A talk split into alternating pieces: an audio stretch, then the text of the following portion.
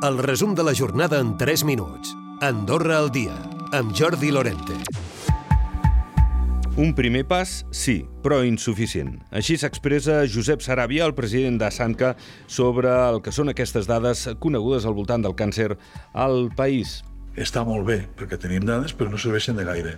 Primer perquè no són encara complertes i segona perquè no estan tractades amb la forma que potser s'haurien de, de, o ens interessaria que es poguessin tractar per, per poder treballar amb elles. No estan complertes, no podem treballar amb aquestes dades encara.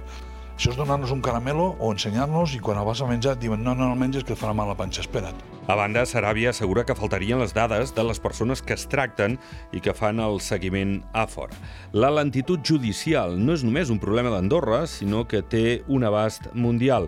És una constatació en parlava el president del Consell Superior de la Justícia, Enric Casadevall. Ja sé que no és una excusa, però bueno, clar, si vols que la llei sigui garantista i que doncs, els, els advocats i les parts puguin aportar totes les proves i demanar doncs, informes. Doncs, clar, el jutge ha d'esperar fer tot aquest tràmit per decidir.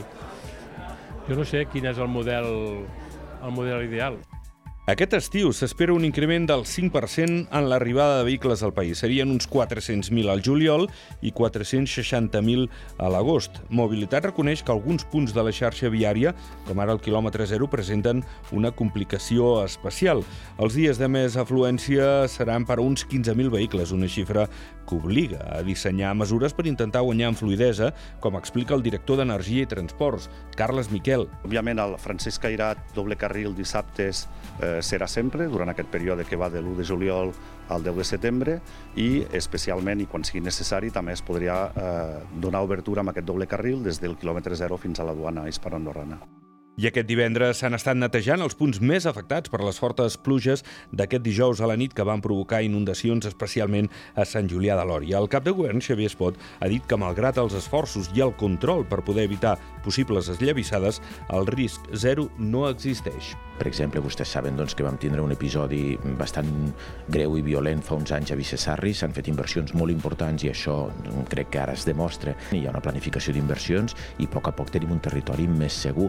Ara bé, el risc zero no existeix i aquest dissabte arrenca una nova temporada d'estiu a Encamp. Ho fa amb l'obertura, entre d'altres, del Funicamp, un giny que estarà obert fins a l'11 de setembre. La novetat principal és la millora dels recorreguts en bicicleta i el manteniment de les activitats que van ser un èxit l'any passat. I aquest divendres han fet la preestrena d'un nou espectacle del Cirque du Soleil, el Festa, que serà protagonista durant el mes de juliol, per cert, en aquest desè aniversari en què la companyia canadenca està fent aquests espectacles espectacles d'estiu.